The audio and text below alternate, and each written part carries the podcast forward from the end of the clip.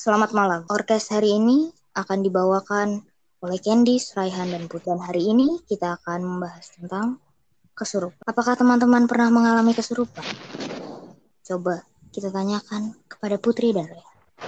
Gimana kalau Putri dulu? Soalnya kehidupan aku flat.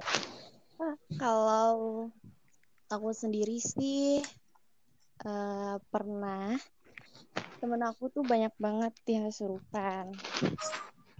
Gitu dan emang kayaknya kehidupan penuh dengan misteri. Put put. Iya. emang enak hidup dengan dunia mereka? Menurut aku uh, itu sesuatu yang menarik sih. Soalnya gimana ya kayak punya ngerasa temen aja kan ada nih temen nyata. Terus temen yang gak nyata tuh beda aja feelnya. Kok gue nggak pernah ngelihat kesurupan ya?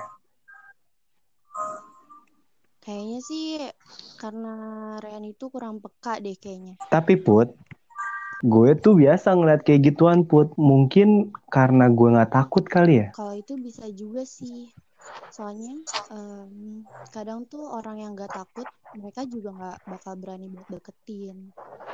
Dibilang nggak takut enggak cuma mungkin gue lebih ke arah nggak peduli sama mereka. Oh iya bener juga sih. Soalnya gue sendiri kadang kalau ada sesuatu yang menurut gue menarik gitu dia kelihatan hmm. uh, gue lihat gue tuh kayak bakal apa ya pedulin mereka gitu dengan nyari mereka gitu. Masa? Serius? Serius. Menurut dia tuh adalah sesuatu yang seru aja.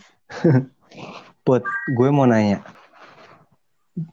Pengalaman kesurupan mana yang paling lo inget maksudnya yang paling ibaratnya lo nggak bakal ngelupain.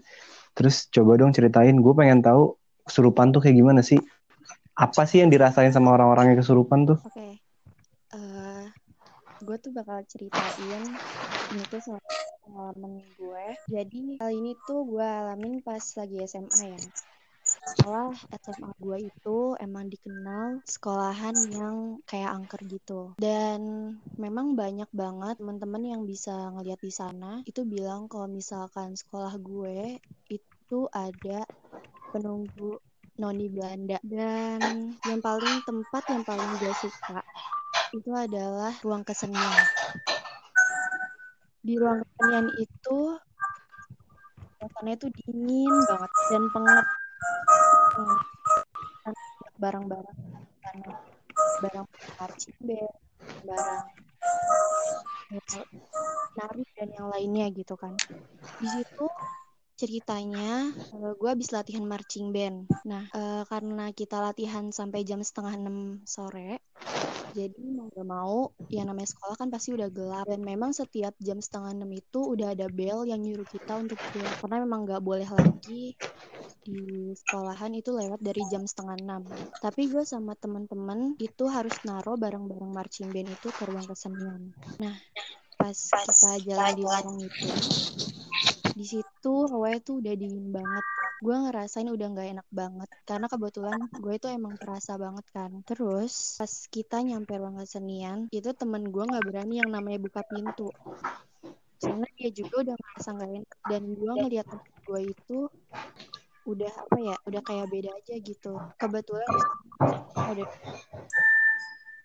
nah jadi akhirnya mau gak mau ya udah deh sini aja gue yang buka pintunya gitu teman-teman gue gak ada yang berani juga gitu. Nah di satu pintu itu kan gelap tapi gue ngeliat kayak sosok bayangan lagi berdiri dan ngeliatin kita gitu.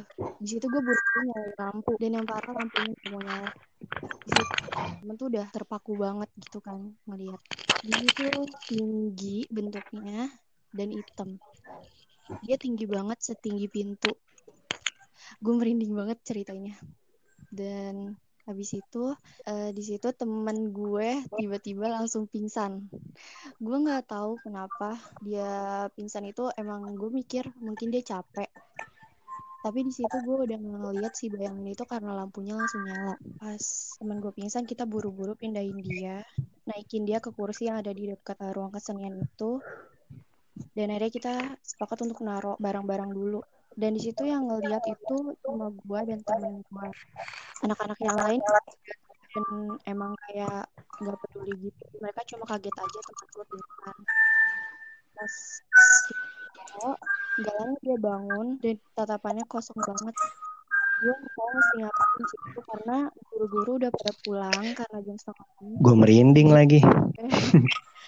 jadi cuma ada pelatih gue sumpah di sini gue juga dingin banget sih ya Ya udah nggak apa-apa. Biar mereka turut hadir di sini. Hai yang kerja di sini. Oke, gue lanjutin ya. Terus pas teman gue udah bangun itu dengan tatapan yang kosong, di situ gue udah mulai takut kayak aduh ini apa gitu kan ini kenapa lagi di situ benar-benar udah mau maghrib dan gue takut banget gitu kan gue mencoba untuk menenangkan diri biar teman-teman yang lain tuh juga tenang gitu kan. Dan gue kira tiba-tiba teman gue lari ke arah lapangan gitu aja. Dan tuh langsung kayak nangis. Terus? Gue di situ benar-benar kayak ya lo kenapa? Gue tuh udah langsung kayak nyadarin dia dan goyang-goyangin dia. Tapi dia nggak mau berhenti nangis di situ gue kayak minta sama teman-teman gue untuk istighfar dalam hati gitu kan. Untuk ngejaga diri mereka sendiri dan jangan kosong juga pikirannya. Gue juga di situ udah gak karuan juga karena bingung bener-bener gak ada siapa lagi gitu kan. Kalau itu sementara pelatih gue pulang dulu kan. Akhirnya nggak lama eh, datang menjaga sekolah gue dan kadang gue yang panggung gitu. Dan dia bilang kalau misalkan eh, kita harus panggil orang nih gitu. Gue udah kayak "Hah, emang ini kesurupan? gitu. Terus di situ posisinya belum ada yang sadar kalau temen lu kesurupan. di situ teman-teman gue itu cuma takut dan kayak apa ya bingung juga. Mereka juga sebenarnya mungkin sadar tapi gue kan gak mungkin nanya kayak gimana sih? Kayak nanya kayak dia kesurupan atau Oke. gimana? gitu. Mm-mm. akhirnya eh, gue manggil pelatih gue balik manggil guru yang emang dekat rumahnya di situ kan. Karena gue dekat sama pembina osis gitu. Jadi alhamdulillah nggak berapa lama ada ya orang yang datang dan ngebantu gue itu. Tapi pas yang udah temen gue keluar si itunya udah keluar gitu. Dia masukin orang lain. Karena emang udah maghrib kan Hmm. dan di situ azan maghrib kayak gak ngaruh lagi gitu loh. Azan juga akhirnya temen gue kayak hmm, gimana ya? Diem lagi gitu terus juga ngelakuin hal yang sama kayak nangis jadi akhirnya sama gue juga di apa dikeluarin juga. Nah, di situ akhirnya kita doa bareng-bareng dan apa ya akhirnya sholat bareng gitu ya. Kayak ya udah eh, kita nggak mau lagi ke ruang kesenian itu lewat dari jam setengah enam. Hmm. karena emang ternyata benar-benar gak bisa Cuma ya Put, menurut lo kalau kesurupan tuh tubuh kita diambil alih nggak sih sama dia?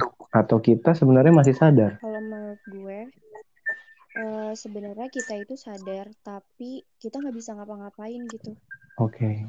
kayak kita tuh kayak bergerak sendiri aja gitu Han kalau menurut lo gimana Gimana ya? Soalnya gue punya temen, tapi dia selalu kesurupan dengan sosok hewan. Lo percaya nggak sih sama yang kayak gitu? berarti dia kayak misalkan kayak macan Iya bener, gitu. emang macan. wow Awalnya kita semua kayak percaya dia kesurupan macan, dia nyakar orang segala macam, bener-bener kayak nyakitin orang. Hmm. Dan gue berusaha kayak apa sih, lu kok nggak apa ya, nggak masuk gitu sama gue kayak buat apa lu kayak gitu gitu. Karena di situ gue belum percaya posisinya. Ternyata seiring waktu gitu dia selalu kesurupan di momen-momen emang dia selalu bengong gitu. Gue merhatiin. katanya tuh kesurupan itu Mm-mm. tuh biasanya dia bisa kesurupan lagi gitu Oh, mungkin sih atau mungkin gue mungkin mikirnya mungkin si macan ini seneng sama dia kali ya. Hmm, bisa jadi Tiba-tiba usut punya usut, dia sempat keceplosan. Ternyata dia itu nggak betah sekolah di sini karena emang dia anaknya selalu dibully gitu. Dia sering diledekin segala macam dan akhirnya dia ngelakuin sesuatu yang maksudnya dia membiarkan dirinya seperti itu biar Hmm, dia tuh diperhatiin orang gitu. hmm, Tiba-tiba singkat cerita ada suatu hari dia kesurupan itu siang-siang. Menurut gue nggak masuk akal orang lagi istirahat kenapa dia Iya. kesurupan. Gue cuma gue nggak pinter baca apa-apa. Orang-orang semua pada kabur ninggalin kelas. Dia ngacak-ngacak meja segala macem. Tiba-tiba gue bener-bener kayak buat apa sih lo kayak gini? Emang bener lo kesurupan? Gue masuk temen-temen gue pada teriak kayak Han jangan-jangan kayak gitu. Cuma gue mikir kayak ya orang gue nggak mau ngapa-ngapain gue cuma mau tahu lu kenapa tiba-tiba belakang kepala dia tuh gue cekek terus gue bilang kalau emang lu kesurupan lu pukul gue. Tapi abis itu lu gue habisin. Tapi kalau lu nggak kesurupan gue habisin juga. Eh tiba-tiba dia ngaku kalau dia cuma pura-pura. Jadi dia emang bener-bener ngelakuin itu biar iya biar orang. sama orang ya. Gue kan nggak suka kayak gitu ya. Apaan sih kayak gitu? Terus gue ancam eh dia ngaku. Cuma gue punya pertanyaan sih put. Hmm. ini pembawa podcast ini ke mana ya Candice? Atau dia kesurupan nih jangan-jangan? Iya nih, Kenapa? kok diem aja Belum. gitu dari tadi hilang. Dis, Belum. gue nggak apa ayat kursi nih. Jangan lu kesurupan ya. Tapi kalau saya boleh cerita, saya ada cerita yang bisa dibilang seram. Kita nggak bisa cerita asmara aja ya? Tidak bisa deh. baik, baik. Gini, aduh, Jadi saya punya kenalan, punya temen. Jadi teman saya seorang non muslim kebetulan waktu dia SMP, sekitar SMP lah. Dia asrama. Nah karena dia non muslim, dia asramanya di asrama Katolik. Waktu dia SMP, dia itu yang paling pemberani di antara teman-temannya. Nah karena dia terkenal pemberani, ada satu pastor. Pastor tuh kayak kayak ustadz lah di agama kita guys. Mm-mm Hmm. kayak pastor minta tolong ke dia. Sebut saja nama dia B ya. Kamu kan paling pemberani di antara semua teman-teman kamu. Mau nggak ikut saya? Dia jawab dong, ke mana pastor, ke mana? Terus pastornya bilang, saya pengen minta tolong ke kamu. Kamu cuma cukup bawa ini di satu ruangan, kamu jalan dari ujung ke ujung dan bunyikan bel ini. Dikasih bel tuh. Nah, B nggak tahu apa-apa dong. Oh ya, terus dia dipakein baju baju baju jubah putih. Si B mulai curiga. Pastor ada apa? Ada ada salah satu teman kamu yang badannya lagi diambil. B jawab lagi dong. Diambil sama siapa kamu juga tahu dibawa ke satu ruangan lagi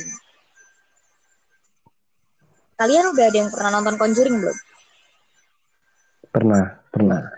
udah udah pernah lihat belum dikeluarin sampai segitunya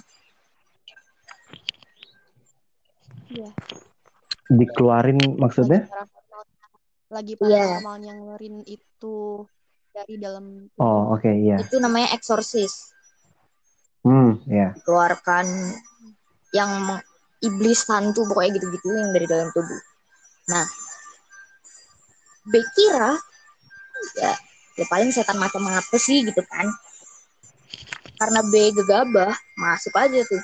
Di situ udah ada tiga orang pastor yang di lantai yang udah keringetan, udah babak belur, udah biru semua mukanya, badannya biru, cakar sana sini.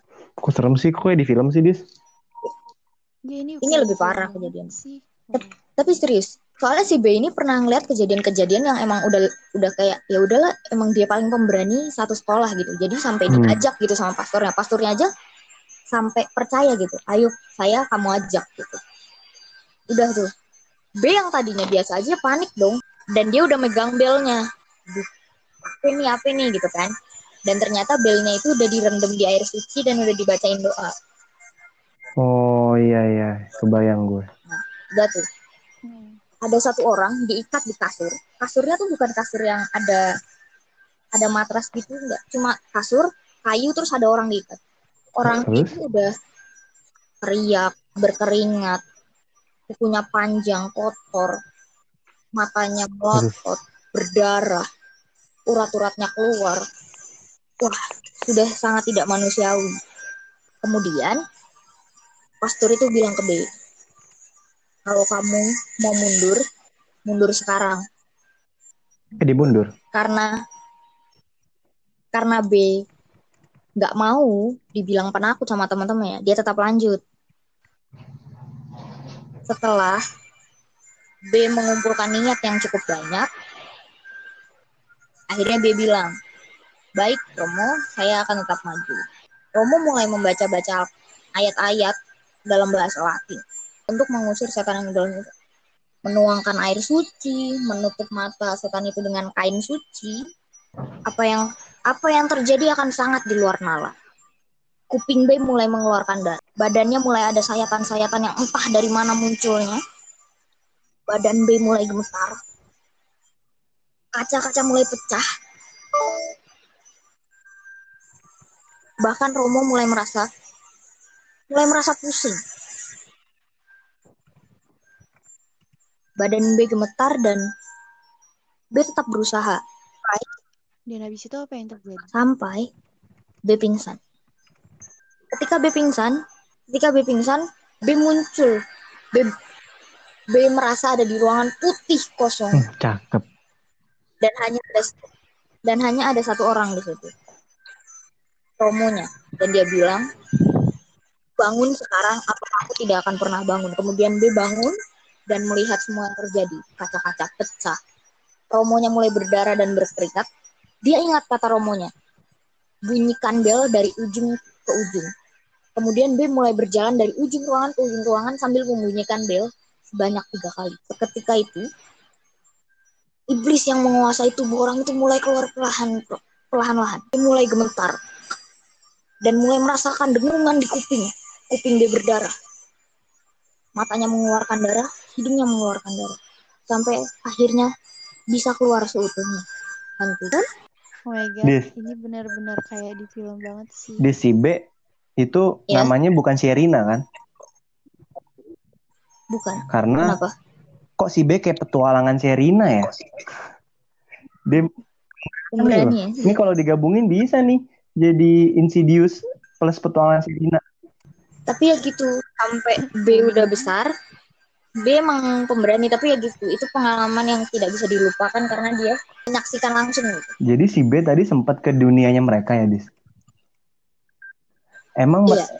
Tapi pasturnya kayak pasturnya Hmm. ngalangin, bangun. Kalau nggak bangun nggak bisa bangun. emang mereka dunianya tuh terpisah sama dunia kita, Dis?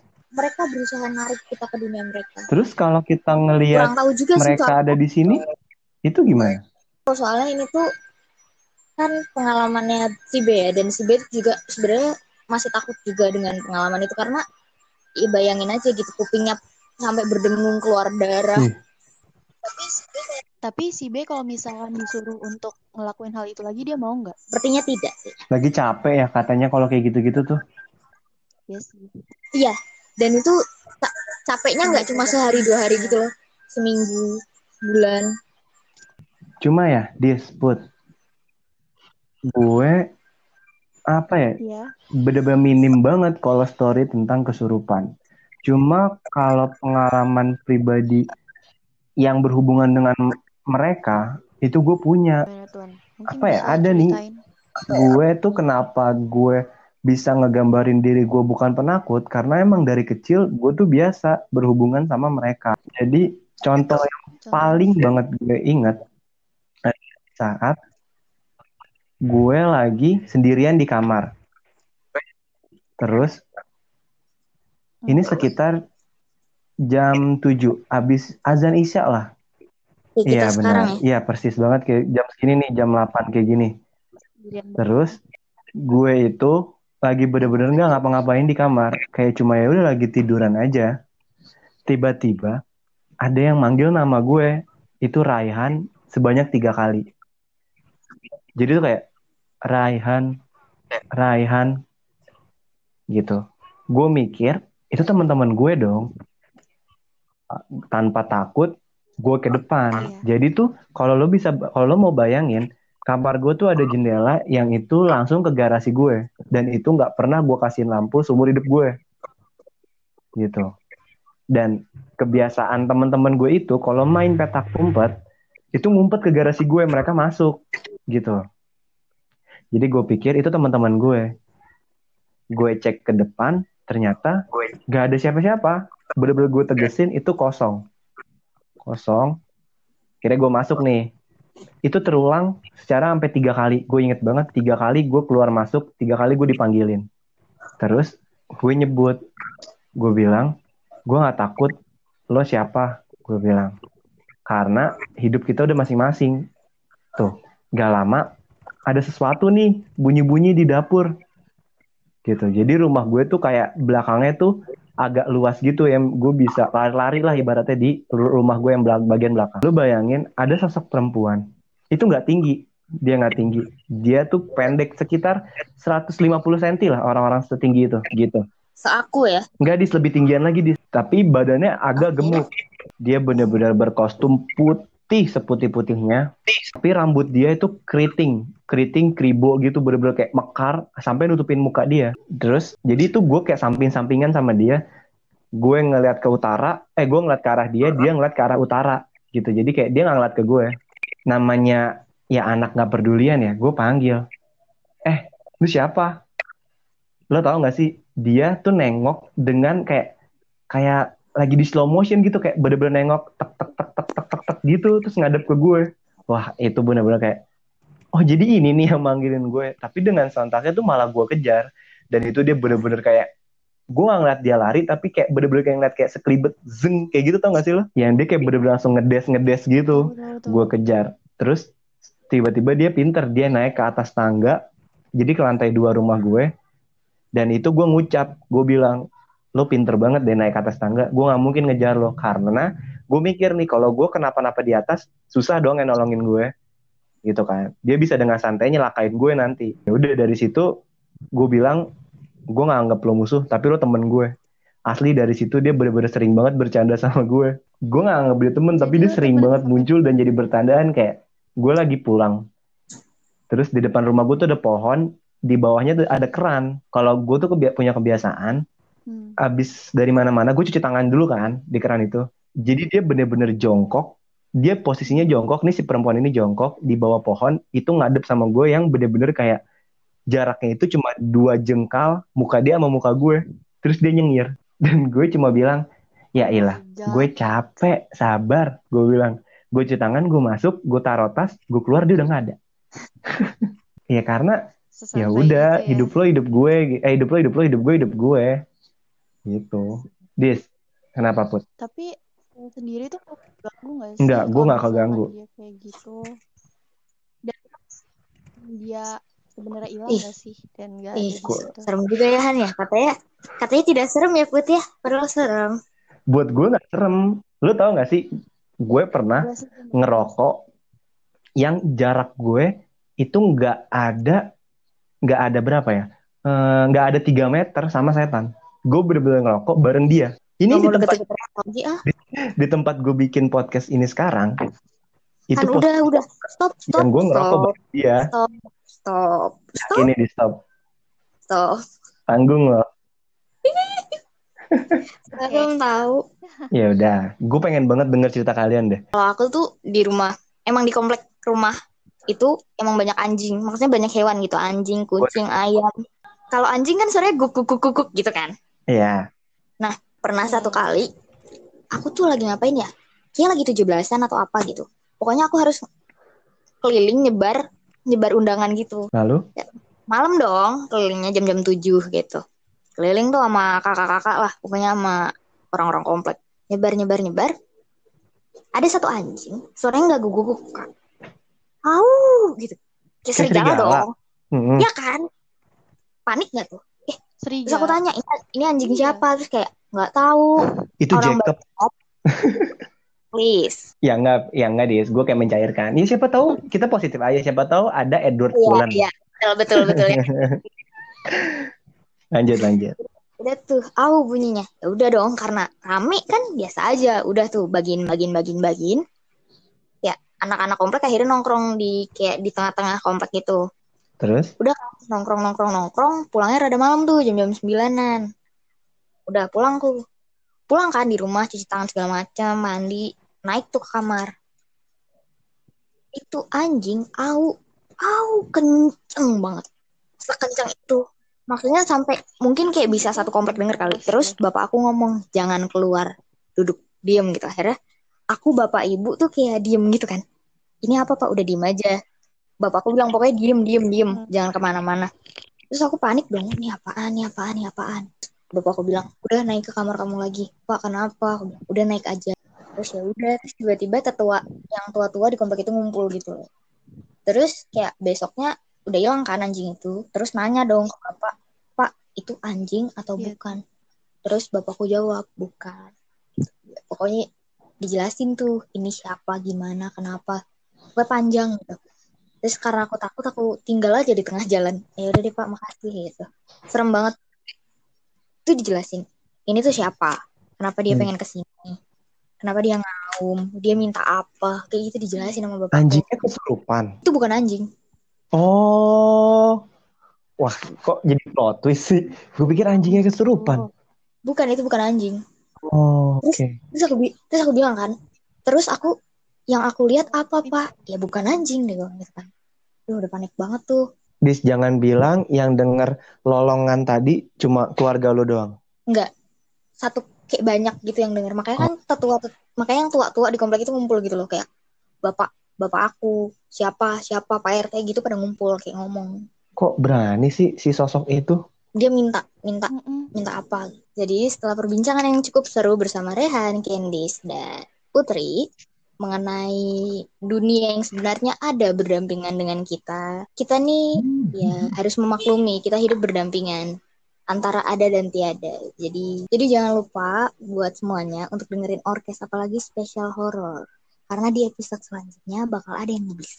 Ya udah, makasih ya buat yang udah dengerin. Besok kita kembali lagi dengan episode yang lebih